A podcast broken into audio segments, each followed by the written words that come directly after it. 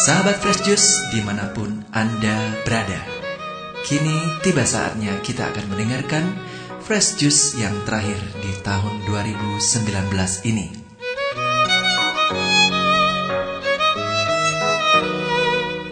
Saya Yofi Setiawan beserta segenap tim Fresh Juice mengucapkan terima kasih untuk semua sahabat Fresh Juice yang dengan setia mendengarkan Fresh Juice di tahun 2019 ini.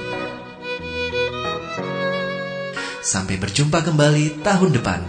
Dan mari kita menyongsong tahun yang baru ini dengan penuh harapan dan sukacita. Mari saat ini kita mendengarkan Fresh Juice Selasa 31 Desember 2019. Bersama Romo Romanus Hami SVD langsung dari Brasil. Selamat mendengarkan.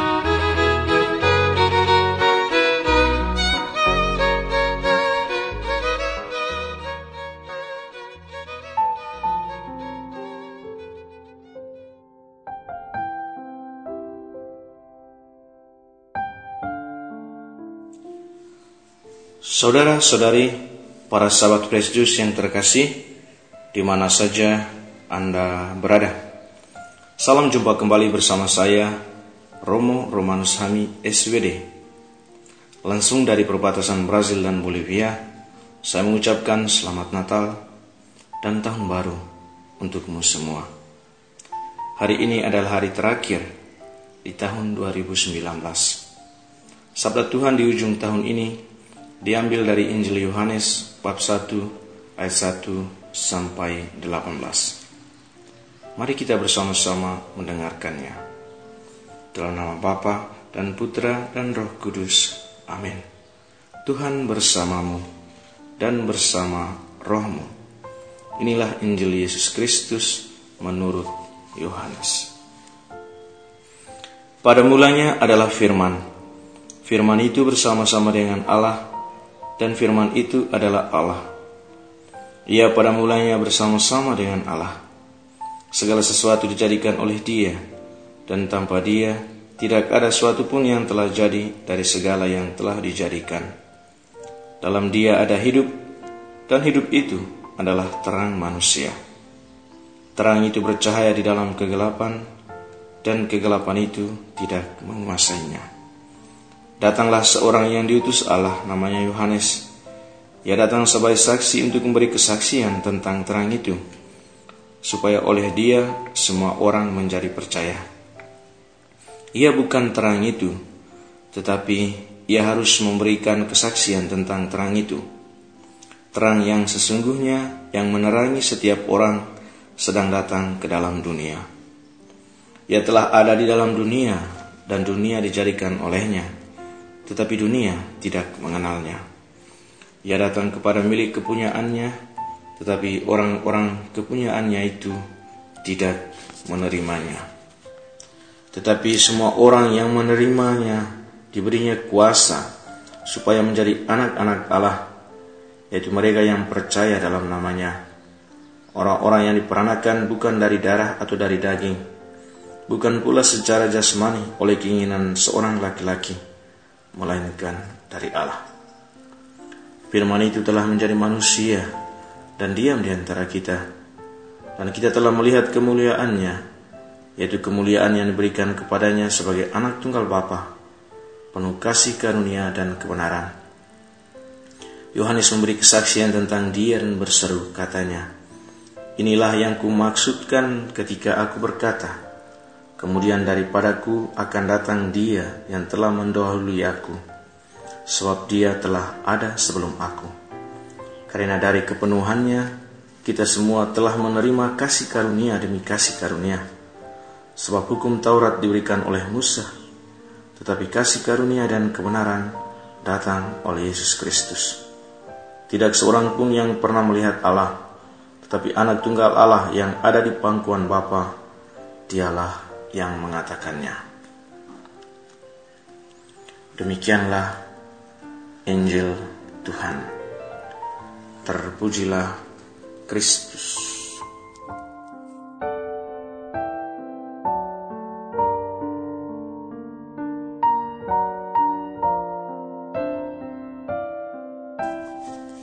Saudara-saudari para sahabat Kristus yang terkasih, beberapa jam lagi kita akan berpisah dengan tahun 2019. Malam sebentar dengan penuh rasa syukur, kita akan melepas pisahkan tahun 2019 dan dengan penuh sukacita menyambut kedatangan tahun baru 2020. Beberapa pertanyaan penting bisa muncul di akhir tahun ini. Misalnya, apa yang harus kita lepaskan dari tahun 2019? Apa yang sedang kita nantikan dengan penuh harap di tahun yang baru 2020? Apakah matahari yang telah bersinar di tahun 2019 berbeda dengan matahari yang akan bersinar di tahun 2020? Atau Allah yang kita sembah di tahun 2011, 2019 berbeda dengan Allah yang akan kita puji di tahun 2020?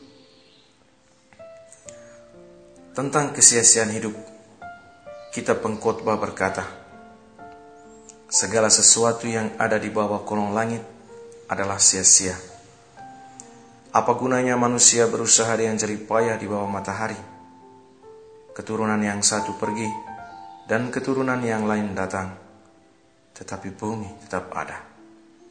Matahari terbit, matahari terbenam, lalu terburu-buru menuju ke tempat ia terbit kembali apa yang pernah ada akan ada lagi, dan apa yang pernah dibuat akan dibuat lagi. Tak ada sesuatu yang baru di bawah kolong langit. Saudara-saudariku yang terkasih, jika segala sesuatu yang berada di bawah kolong langit tidak berubah dan sia-sia, lalu apakah yang bisa kita rayakan di tahun yang akan segera berakhir dan dengan penuh harapan menyambut tahun yang baru. Prolog Injil Yohanes yang kita dengar di akhir tahun 2019 menampilkan kepada kita sebuah retrospektif kilas balik. Kilas balik itu bukan tentang perjalanan tahun yang akan berakhir, melainkan kilas balik tentang sejarah keselamatan. Sejarah kehadiran Allah di tengah-tengah kita di dunia ini. Dalam prolog Injil Yohanes diceritakan tentang kehadiran Allah yang abadi. Allah hadir sebelum dunia dan waktu dijadikan. Meskipun Allah telah hadir di tengah-tengah kita, sayangnya kita semua kurang mengenalnya. Tidak semua orang mengenalnya. Dunia tidak mengenalnya. Allah hadir di tengah-tengah kita di tengah-tengah dunia menjelma menjadi manusia dalam diri putranya Yesus Kristus. Sabda kehidupan yang menjelma menjadi daging, menjadi manusia dan tinggal di antara kita. Sayangnya, dunia tidak mau mengenalnya dan mengakuinya. Kita bisa menyebutkan beberapa tanda-tanda konkret yang mengindikasikan bahwa dunia masih belum mengenal dengan baik kehadiran Allah Misalnya saja, peperangan yang membunuh banyak orang yang tak bersalah selalu datang silih berganti. Korupsi menyebar di seluruh lapisan kehidupan. Kekerasan sepertinya telah menjadi model hidup yang baru. Ketidakadilan, egoisme, tipu muslihat, intoleransi, kebencian, dan lain sebagainya. Tak ada faedahnya bagi kita sebagai orang Kristen menginginkan tahun yang akan datang, tahun 2020, sebagai tahun yang penuh rahmat, penuh kesuksesan, kedamaian, penuh cinta. Jika kita tetap menolak kehadiran sabda yang menjelma menjadi manusia, Yesus dalam hidup kita.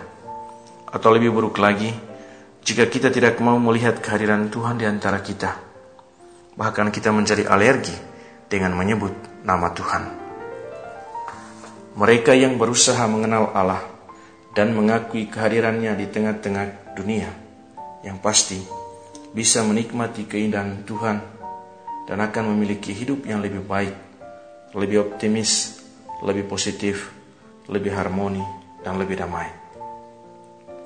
Saudara-saudari para sahabat Kristus yang terkasih, saya yakin kita telah menulis banyak hal di dalam lembaran kehidupan kita sepanjang tahun 2019, baik itu tentang rahmat berkat yang kita terima dari Tuhan maupun kemalangan yang mungkin kita alami. Mengakhiri tahun 2019 ini, sebagai orang beriman yang percaya akan sabda kehidupan yang menjelma menjadi manusia dan tinggal di antara kita sebelum dunia dijadikan, mengucap syukur kepadanya, terutama atas segala kebaikan dan kasihnya yang dicurahkan atas hidup kita.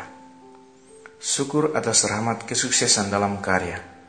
Syukur atas bantuan dan perhatian dari sesama. Syukur atas pengalaman diterima dan dimengerti. Syukur atas hubungan yang akrab, harmoni dan penuh toleransi. Kita juga bersyukur kepada Tuhan atas orang-orang terkasih, orang-orang yang membantu kita dan membuat hidup kita menjadi lebih baik dan penuh makna. Anggota keluarga, para sahabat kenalan, penjasa, baik yang tinggal bersama kita maupun mereka yang jauh dari kita. Kita juga bersyukur atas pengalaman padang gurun yang membuat hidup kita terasa tandus, seperti rasa terkungkung karena masalah yang tak terselesaikan, sakit penyakit yang sulit tersembuhkan, relasi yang hancur, rasa sepi dan kehilangan karena ditinggal orang-orang terkasih, kerugian dalam karya, dan kemacetan dalam bisnis usaha, atau rasa cemas karena masa depan yang tidak pasti. Singkatnya, apa pun musim yang kita lalui sepanjang tahun 2019, hendaknya kita tetap bersyukur. Syukur yang paling utama adalah karena Allah yang hadir sebelum dunia diciptakan masih tetap hadir di tengah-tengah kita dan tetap memberi kita kesempatan untuk menikmati kehidupan ini. Saudara-saudari yang terkasih, syukur kita menjadi lengkap kalau disertai dengan telut penuh kasih, menunduk di hadapan Allah, memohon pengampunan darinya atas keterbatasan dan ketidakmampuan kita untuk memaknai dengan baik segala rahmat yang ia berikan untuk kita. Terutama kita mohon pengampunan atas komentar-komentar jahat yang keluar dari perbendaharaan hati kita yang melukai sesama kita. Omelan-omelan yang, yang tak pernah habis, entah itu omelan terhadap sesama kita maupun omelan-omelan negatif tentang Tuhan. Bersama Santu Padre Pio kita berseru, Tuhan, masa laluku berada dalam belas kasihmu, masa kiniku berada dalam cintamu, dan masa depanku dalam penyelenggaraan. Ya, kita tidak tahu ke mana Allah menuntun kita di tahun yang baru.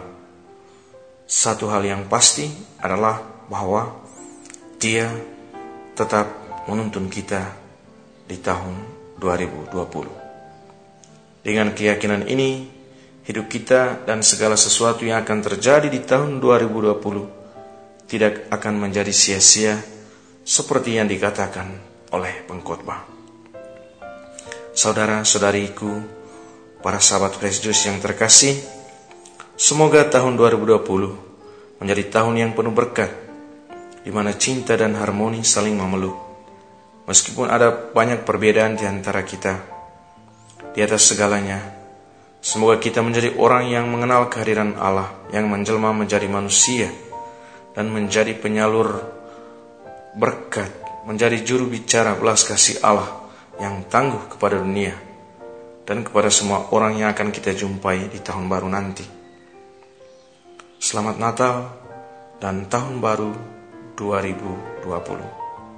Semoga damai dan berkat Sang Sabda, Mesias Penyelamat, senantiasa menaungi siara hidup kita sepanjang tahun 2020. Amin.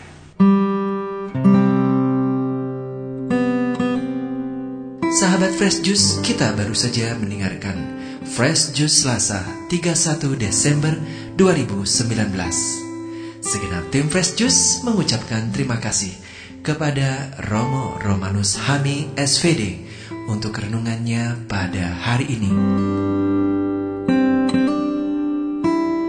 Sampai berjumpa kembali dalam Fresh Juice tahun depan.